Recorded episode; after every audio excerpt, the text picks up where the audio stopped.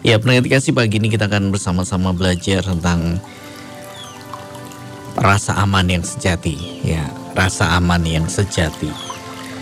Kalau ada rasa aman yang sejati, berarti ada rasa aman yang palsu. Sejati uh, lawannya adalah palsu, pendengar kasih. Ya, di manakah kita meletakkan rasa aman kita? Pendengar kasih, di manakah kita pertanyaannya? Di mana kita meletakkan rasa aman kita? Ya, sering kali pendengar dikasih kekayaan menjadi satu tempat di mana kita menaruh rasa aman kita. Ya, saat kita punya kekayaan yang besar di situ kita merasa tenang, rasanya hidup damai ya. Tidak mikir macam-macam ya. Tapi ada seorang hamba Tuhan yang justru uh, berkata seperti ini ya. Intinya kalau orang semakin kaya itu semakin khawatir orang semakin kaya semakin takut mengerti. Ya.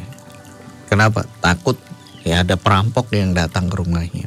Ya, karena itu semakin kaya semakin banyak bodyguard, semakin banyak penjaga, semakin banyak pengawal. Kenapa? Karena semakin kaya akan jadi incaran ya. Bagaimana kekayaannya dibobol orang ya, dirampok orang.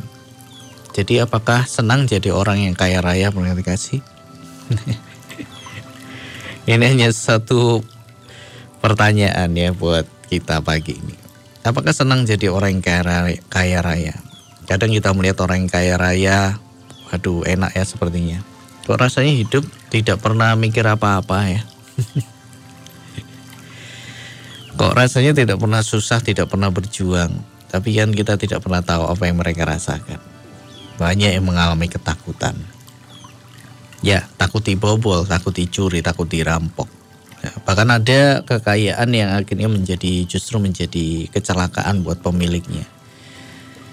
Ya, karena itu karena kekayaan menarik menarik orang-orang jahat. Dan justru yang punya kekayaan akhirnya mati karena kekayaannya. Nah, perhatikan kasih ya. Jadi, apakah enak jadi orang yang kaya raya? Ya, coba Anda tanya ke orang yang kaya raya pernah dikasih. Nih, apakah mereka benar-benar hidup tenang ataukah ada kekhawatiran, ada ketakutan? Ya, ada yang takut hartanya habis. Nah, jadi sama hidup dalam ketakutan benar dikasih. Apakah kekayaan akhirnya memberikan rasa aman yang sejati? Nah, ada orang yang kaya raya takut hartanya habis, hartanya berkurang, takut jatuh miskin. Jadi kita lihat bahwa di dalam batin manusia kasih apa sebenarnya yang bisa memberikan sesuatu yang sejati. Kita akan lihat di dalam Hakim-Hakim pasal yang ke-18 ya, Hakim-Hakim pasal yang ke-18. Hakim-Hakim pasal yang ke-18 ayat yang ke-7. Nah, di sini ada peristiwa pengintaian ya. Ya. Jadi zaman dulu sebelum merebut uh, sebuah tempat dilakukan pengintaian. Ya, jadi di ayat yang ketujuh hakim-hakim pasal yang ke-18. Ya, sesudah itu pergilah kelima orang itu lalu sampailah mereka ke Lais. Dilihat mereka lah bahwa rakyat yang diam di sana hidup dengan tentram menurut adat orang Sidon, aman dan tentram. Orang-orang itu tidak kekurangan apa pun yang ada di muka bumi, malah kaya harta mereka tinggal jauh dari orang Sidon dan tidak bergaul dengan siapa pun juga. Nah, jadi di sini ada para pengintai ya. Mereka mengintai satu daerah. kasih ya. Karena mereka ingin merebut ya, merebut tempat itu. Dan ketika diintai apa yang dilihat sungguh luar biasa. Ada rakyat yang diam dengan tentram ya mereka tidak kekurangan apa pun di muka bumi, mereka kaya harta, tapi apa yang terjadi? Mereka kaya, mereka merasa aman, mereka merasa tentram, dan kekurangannya adalah mereka ini tinggal jauh dari orang Sidon dan tidak bergaul dengan siapa pun. Nah, sering kali orang yang merasa kaya sudah merasa aman, sudah merasa tentram, tidak butuh orang lain berarti kasih ya. Cukup ya, sudah punya segalanya. Tidak perlu uh, bergaul dengan siapa pun. Nah, dan ini justru yang menjadi kelemahan mereka ya. Ya, mereka pikir mereka tidak kekurangan apa pun ya karena kekayaan yang mereka miliki. Tapi sesungguhnya ya mereka perlu untuk bergaul juga benar kasih. Mereka perlu bergaul dengan ya orang-orang ya. Karena kadang dalam satu uh, satu masa ya uh, orang kaya ini akan butuh orang miskin. Ya kan? Akan sangat membutuhkan benar kasih. Nah, karena itu kalau tidak bergaul dengan siapa pun bagaimana kehidupannya. Jadi pergaulan itu penting benar kasih.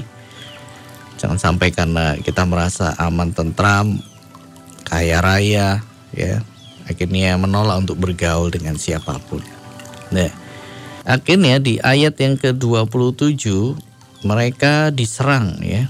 Setelah diintai eh, negeri itu diserang ya Bani Dan ya eh, yang menyerangnya mendatangi Lais ya mendatangi Lais rakyat yang hidup dengan aman dan tentram dan mereka memukul orang-orang itu dengan mata pedang dan kotanya dibakar. Jadi ini mereka mendatangi sebuah kota Lais. Nah, waktu mereka diserang, kota Lais ini diserang, tidak ada orang yang datang menolong sebab kota itu jauh dari Sidon dan orang-orang kota itu tidak bergaul dengan siapa pun juga. Daging yang mudah direbut kasih. Nah, kenapa? Karena tidak ada yang menolong.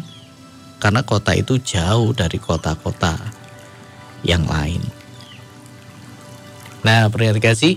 Jadi di sini kita melihat ya suatu hal yang rasanya mereka hidup dengan aman ya. Tetapi rasa aman ini adalah rasa aman yang palsu.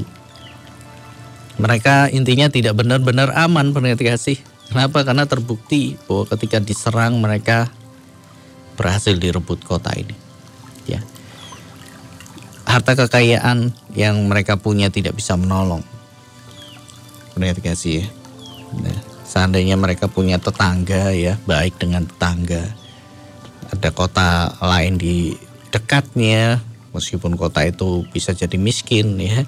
Seandainya saja ini dan orang-orang di kota Lais ini baik dengan kota di sebelahnya yang terdiri dari orang-orang miskin. Ya, waktu diserang bisa jadi orang-orang miskin tadi yang sudah selama ini ditaburi kebaikan bisa menolong, ya, maju, ya, ya, untuk melindungi. Tapi pada kenyataannya kota ini tidak punya pergaulan ya dengan yang lain, ya, karena harta kekayaan.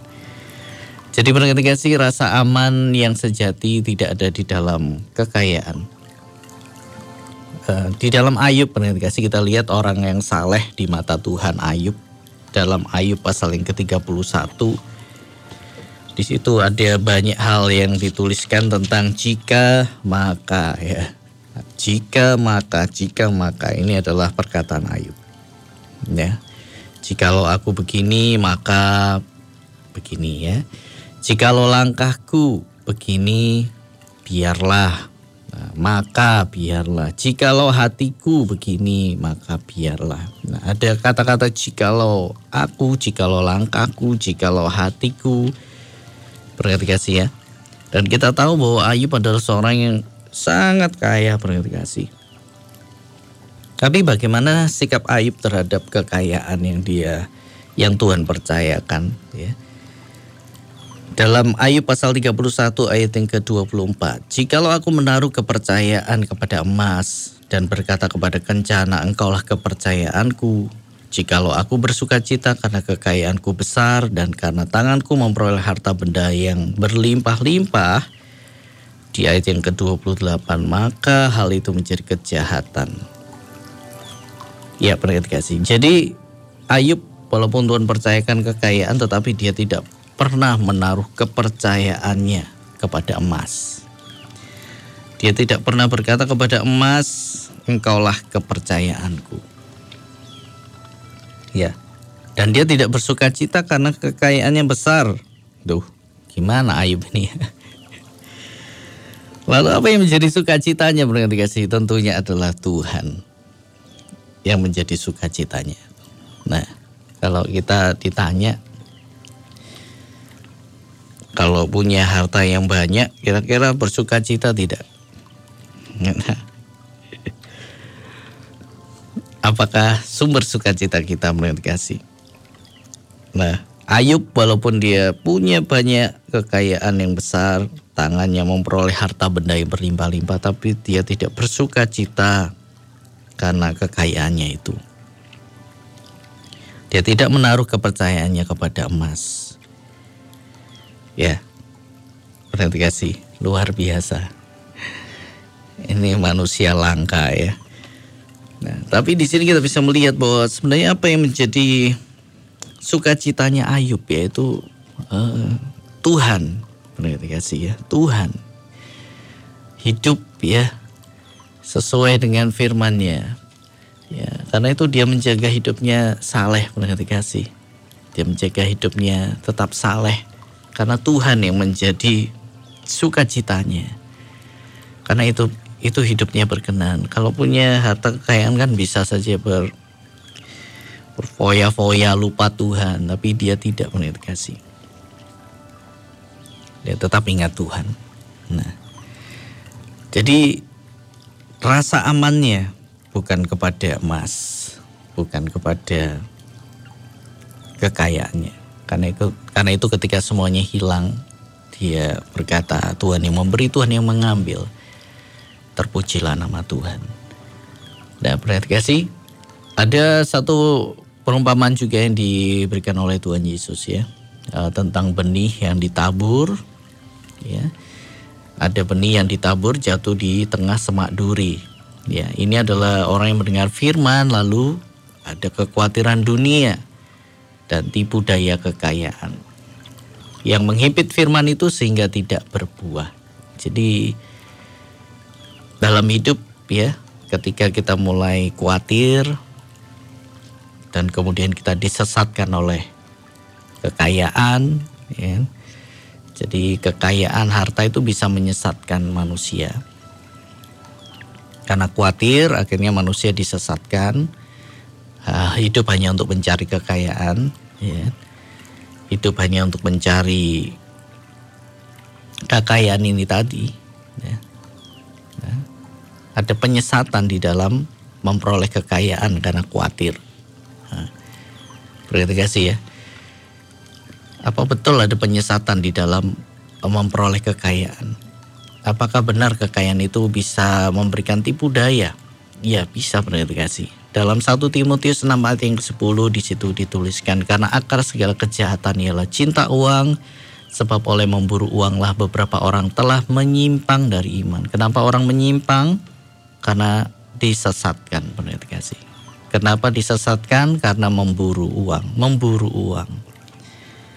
Ya, memburu uang yang namanya memburu ya e, memburu itu fokusnya adalah pada buruan berarti kasih kadang ketika kita terjebak dalam kekhawatiran kemudian kita ini fokusnya hidup adalah untuk memburu uang fokus kita adalah pada uang dan apa yang kita buru itu kan lari-lari ya, ya kan? kalau anda berburu sesuatu anda pernah berburu berarti kasih Nah. Kalau Anda memburu tikus di rumah, nah, pernah memburu tikus. Karena saking jengkelnya dengan tikus ya, eh, banyak menghabiskan makanan, eh, tiba-tiba di satu waktu Anda sengaja menunggu tikus itu muncul ya. Malam-malam di kegelapan Anda duduk ya, menunggu tikus muncul. Nah, Ketika Anda akan memburu tikus itu dengan kasih ya, yang menjadi pusat perhatian Anda adalah si tikus itu. Ketika mulai muncul suaranya, wah, Anda langsung mencari dari mana. Ketika muncul sosoknya, Anda perhatikan terus, mau lari ke mana? Anda, anda cari tempat di mana Anda bisa uh, uh, menghantamnya sehingga tikus itu mati. Terima kasih ya. Nah, ketika memburu tikus itu, semua konsentrasi akan tertuju kepada si tikus. Mulai dari suaranya, gerak-geriknya, lari ke arah mana. Sehingga kita ini melupakan apa yang di sekitar kita. Ya. Jadi ketika kita sedang uh, fokus memburu tikus uh, karena lupa dengan yang lain akhirnya waktu berlari tersandung kedebuk ya jatuh pendengar kasih ya nah kenapa karena kita fokus dengan apa yang diburu pendengar kasih ya nah ini bisa membuat kita tersesat karena kita fokus kepada buruan itu Bahkan ada kisah banyak kisah tentang pemburu ya. Pemburu yang akhirnya menembak sesama pemburu.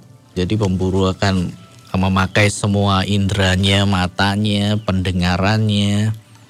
Ya. Ketika ada pemburu, pendengar kasih yang berburu, eh, bisa mereka salah tembak. Kenapa? Karena ketika semak-semak bergerak, dikira itu hewan buruan, ya kan? Apalagi ketika dia sudah fokus mencari buruan ini. Wah, Ketika semak-semak itu bergerak-gerak, wah tanpa pikir panjang ditembak. Tapi ternyata begitu tahu bisa jadi itu temannya sendiri. Nah, itu sering kali terjadi di kalangan para pemburu ya kan. Nah, jadi oleh memburu uang beberapa orang telah menyimpang dari iman dan menyiksa dirinya dengan berbagai-bagai duka. Kenapa memburu? Karena khawatir dengan kehidupan ini. Nah, kalau sudah memburu berarti kasih, nah, maka kita bisa menyimpang dari iman. Nah, jadi ini yang terjadi berarti kasih. Jadi di manakah rasa aman yang sejati? Rasa aman yang sejati hanya ada di dalam Tuhan berarti kasih. Seharusnya kita mengejar Tuhan dan kebenarannya yang memberikan kita keamanan dan damai sejahtera. Yang kita kejar seharusnya adalah Tuhan sumber berkat. Ya, maka berkat itu akan mengikuti dengan sendirinya. Ya, kalau kita memburu uang sekali lagi uang itu bisa menyesatkan ke arah yang salah. Ya. Tapi kalau kita memburu Tuhan, ya ada sebuah buku yang sangat indah, judulnya adalah Pemburu Tuhan. Pemburu Tuhan. Jadi di mana Tuhan ada, diikuti terus, kasih. Nah itu seharusnya di mana pun Tuhan bergerak, ke mana Tuhan mau bergerak, dia selalu ikuti terus. Itu pemburu Tuhan, kasih. Apa yang sedang Tuhan mau lakukan ya? Apa yang hari-hari ini Tuhan sedang lakukan? Ke mana Tuhan akan uh, bergerak ya? Pemburu Tuhan kasih. Kalau kita memburu Tuhan, mengejar Tuhan dan kebenarannya setiap hari, nah, maka kita akan mendapatkan hal-hal yang luar biasa. Perhatikan kasih ya. Jadi kejarlah Tuhan. Nah, perhatikan kasih. Hari ini biar kita boleh selalu mengejar Tuhan dan kebenarannya. Maka semuanya akan ditambahkan. Ya. Prioritaskan kerajaan Allah dan kebenarannya.